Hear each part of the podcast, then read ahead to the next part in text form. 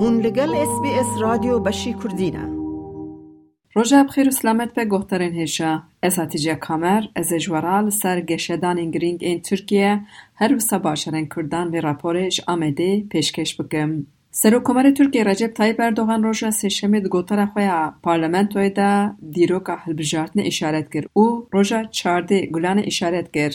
وی سر اتفاق الهمبری خو ماسه شش آلی آن زمان و گوت چارده گلانده ملت ما خو جوان رزگار بکه. لبوی داخویانی نقاشن سر روژا هلبجارتن دست پیکر اردوغان نامزد سروکوماری اتفاق کوماریه وکی کتیسانین ترکیه AKP û Partiya Netewperwer MHP bi navê Komara Tifaqek ava kirin û li hember wan اپوزیسیونجی جهپ و ای پارتیجی هروس سادت پارتی دبن سیوان اتفاق ملی ده هاتن با هف لی سالک بری اتفاق پارتی نو دنوا خودا زدک گرن گلچک و دوا هروسا دموکرات پارتی جبو وگرا سیستما پارلمنتریه جی لحب دو گرن لی حتنها اتفاق نامزد خواه دیار نکریه هر دو تفاقشی پارتی دموکراتیکا گلان هدپ دنوا خودا نخواسن آنجی بیویرکی نکارن بجنگو پیدیبیان بدنگی هدپه هیه. وکی کتی زانین هدپ قدی 7 میلیون دنگه و شیروکارن سیاسی دبشن بی هدپ تتفاقک بسرنا که به تایبت ده هل بجارتنا سرکوماری دا وکی کتی زانین دوزا گرتنا هدپ دمک دوام دکه بریا چند هفته دادگه ها دستورا بنگهین بریار دا کو دست بدن سر حساب دراوی این هده پی کش خزینه جوان را آلی کاری ده لگوریا سایان پارتی اک که بند هل بجارتنه ببهره جه خزینه دولت جوان را بچه اکتی بغتاندن دوی نقبا تنگی پروسا هل بجارتنه دا پی حمله اکر او گود کو جبو کوماری و کماری او نامزه ده خودرخن شروع وکرد بیشن کو لسر بریار دوز اگردنا هده پی هر وها بریار دادگه ها دستور بنگهین جماسه شش آلی tu daxuyaniyek nehate dayîn û HDP jî mecbûr ma vê hemleyê bike. Li beriya van geşedanên neyînî HDP gotibû ku ew ê piştgiriya xwe bidin ji bo maseya şeş alî. Wezîrê Karê Derveyê Tirkiyeyê Mevlût Çavuşoğlu ji bo serdanek fermî li Amerîkayê Wezîrê Karê Derveyê Amerîkayê Tony Blinken re jî civînek kir. Blinken pesnê Tirkiyê de ji bo rola korîdora zad genim ku di şerê Ukrayna û Rûsyayê de bi cîhanê Çavuşoğlu ji bo firokên şerên F-şazdeh banka xwe a tekoşîna li dijî terorê ji Amerîkayê re dubare kir.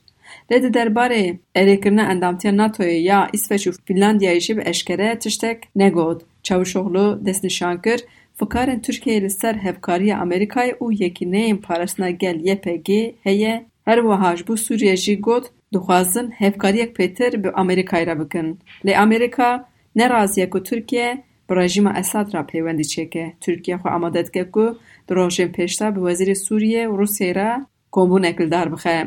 Çavderiya mafê mirovan here we rapora du hezar bîst û sêyan de bi berfirehî cî daye Tirkiyeyê. Rapora here wê hefteyek berê hate belavkirin.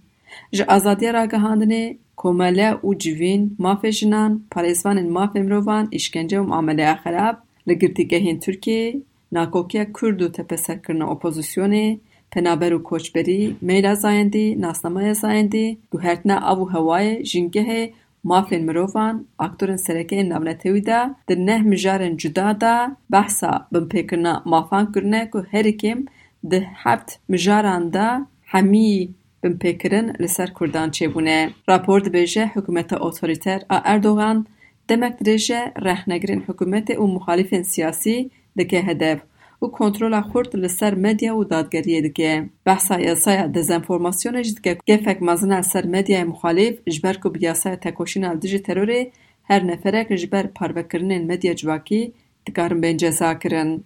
Here we destnîşan kiriye ku Tirkiyeyê şêst û pênc rojnameger girtîne کو شش مهین داوین دا بیست و کرد هات نگردن. هر وقت به جه دسته بلند آر رادیو تلویزیون رتوکشی جزای کیفی داده مادیا یا مخالف کوشان رادوستی نه. هر وها بحث بریارا استان کردن مالپرین دنگ آمریکا و دوچه ولی کرد.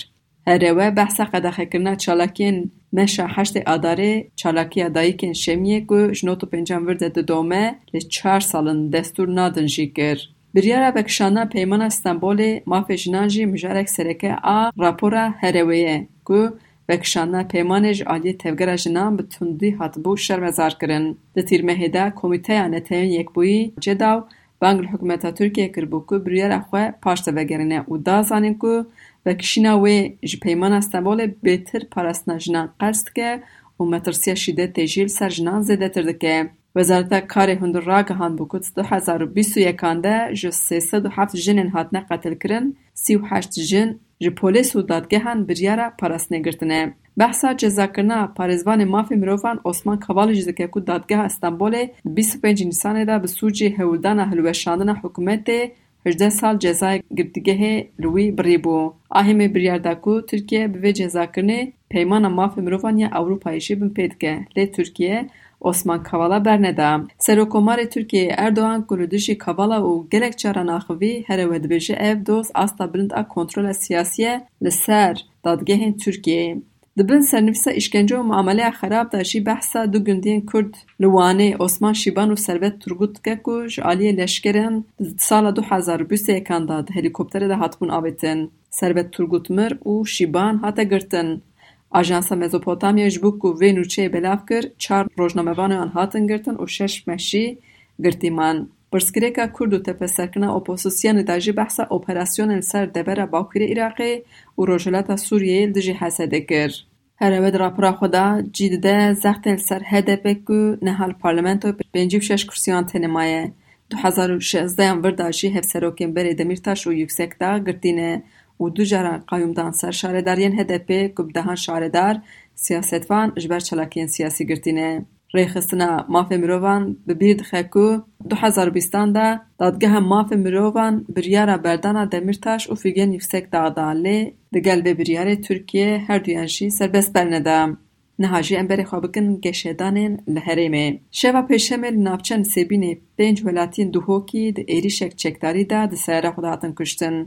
لگوری کانالا روداوی کسین هاتن کشتن واحد حیدر جسیم او ملا احمد جلالدین ابراهیمه.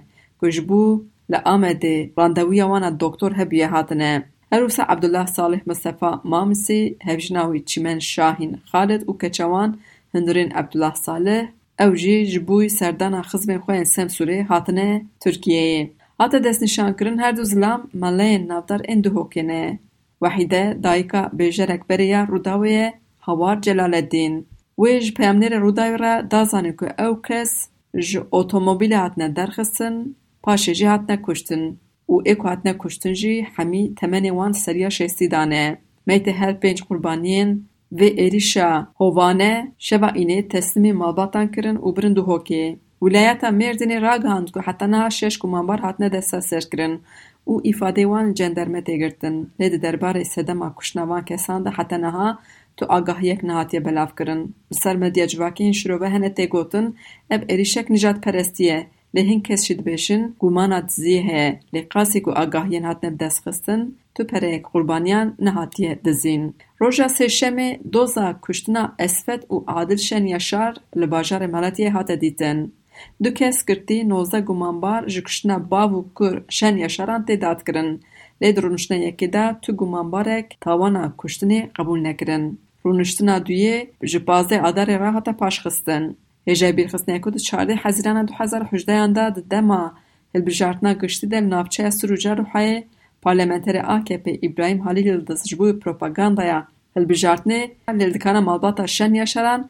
که تناو نیخاشه گشبر گو هاته گوتون شن یاشر نخوستن پارلمنتر دوی در پروپاگاندا بگه خوستن کش دکانی در کون دوان که دیان دا خزنی پارلمنتر او خودی دکانه پبدچن که اف پرچون دمکی کرده و گوهریه شرکی چکتاری. پرچون دار دکان جلال شنیاشر یا شر او برای پارلمنتر محمد شاه یلدز هاتن کشتن. آدل، فرید، فادل و محمد شن یا شرشی بریندار بون دگل حش خزم پارلمنتر برن نخوشخانه.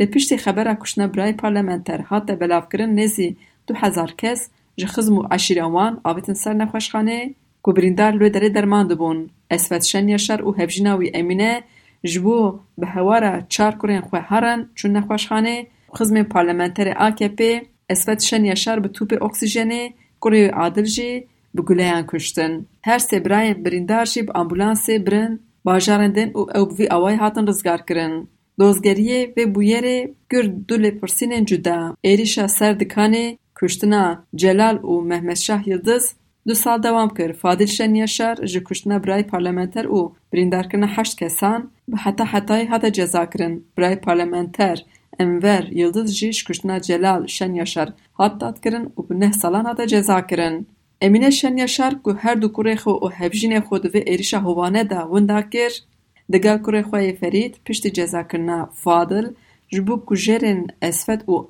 عادل ورن گرتن لپیش عدلیه روحه دست به چلاکیه نوبت عدالت کرن. دو ساله کو چلاکیه من دو دومه. بازه لیپرسین هفت دوز لامینه شن یا شرحات دوکرن کچما ده داخویانی خود روپورتاج خود ده لپارلمنتر ابراهیم حالیل یلدز حقراتان کریه. جبرگ او پارلمنتر حقارت دما کلوی جوره کرن وکی کو اف حقارت لی دولت هاتف کرن تی قبول کرن. چلاکه وان انجام دا و پشت چار سالو لسر ایریشا نخوشخانه کشتنا اسفت و عادلشن یشار دوز ببو. لی پرسینا ایریشا نخوشخانه دا ده دوزگر هاتن گو هرتن. دیمن این کامران این کجرن اسفت و عادل که تی دا خویا کرنه دا روژا ایریشا دا هات ندزین. لی با دیمن این کامران دور نخوشخانه و کامران سرساریان چلو نه کس هاتن تسبیت کرن دا ایریشا نخوشخانه دا. Û ji wan nozdeh kes jî weka êrişkar hatin tespîtkirin. Dozgerî îfadeya sed û heştê kesan ê ku ew roj nexweşxanê bûne girtiye. Di meha Nîsanê de di çarçoveya vê lêpirsînê de neh kes hatin girtin ku hemî jî xizmên parlamenterin. Du birayên parlamenter jî ji kuştina Esfet û Adilşen Yaşar bi girtî tên dadkirin. Ez Hatice Kamer bi vê raportê ji li ser geşedanên girîng êvê heftê ji Amedê ragihand. دەتەوێت بابەتی دیکەی وەک ئەمە ببیستی؟ گۆڕایرە لەسەر ئەپ و پۆدکاست گوگل پۆدکاست سپۆتفاای یان لە هەر کوێیەک پۆدکاستەکانت بەدەستدەێنیت.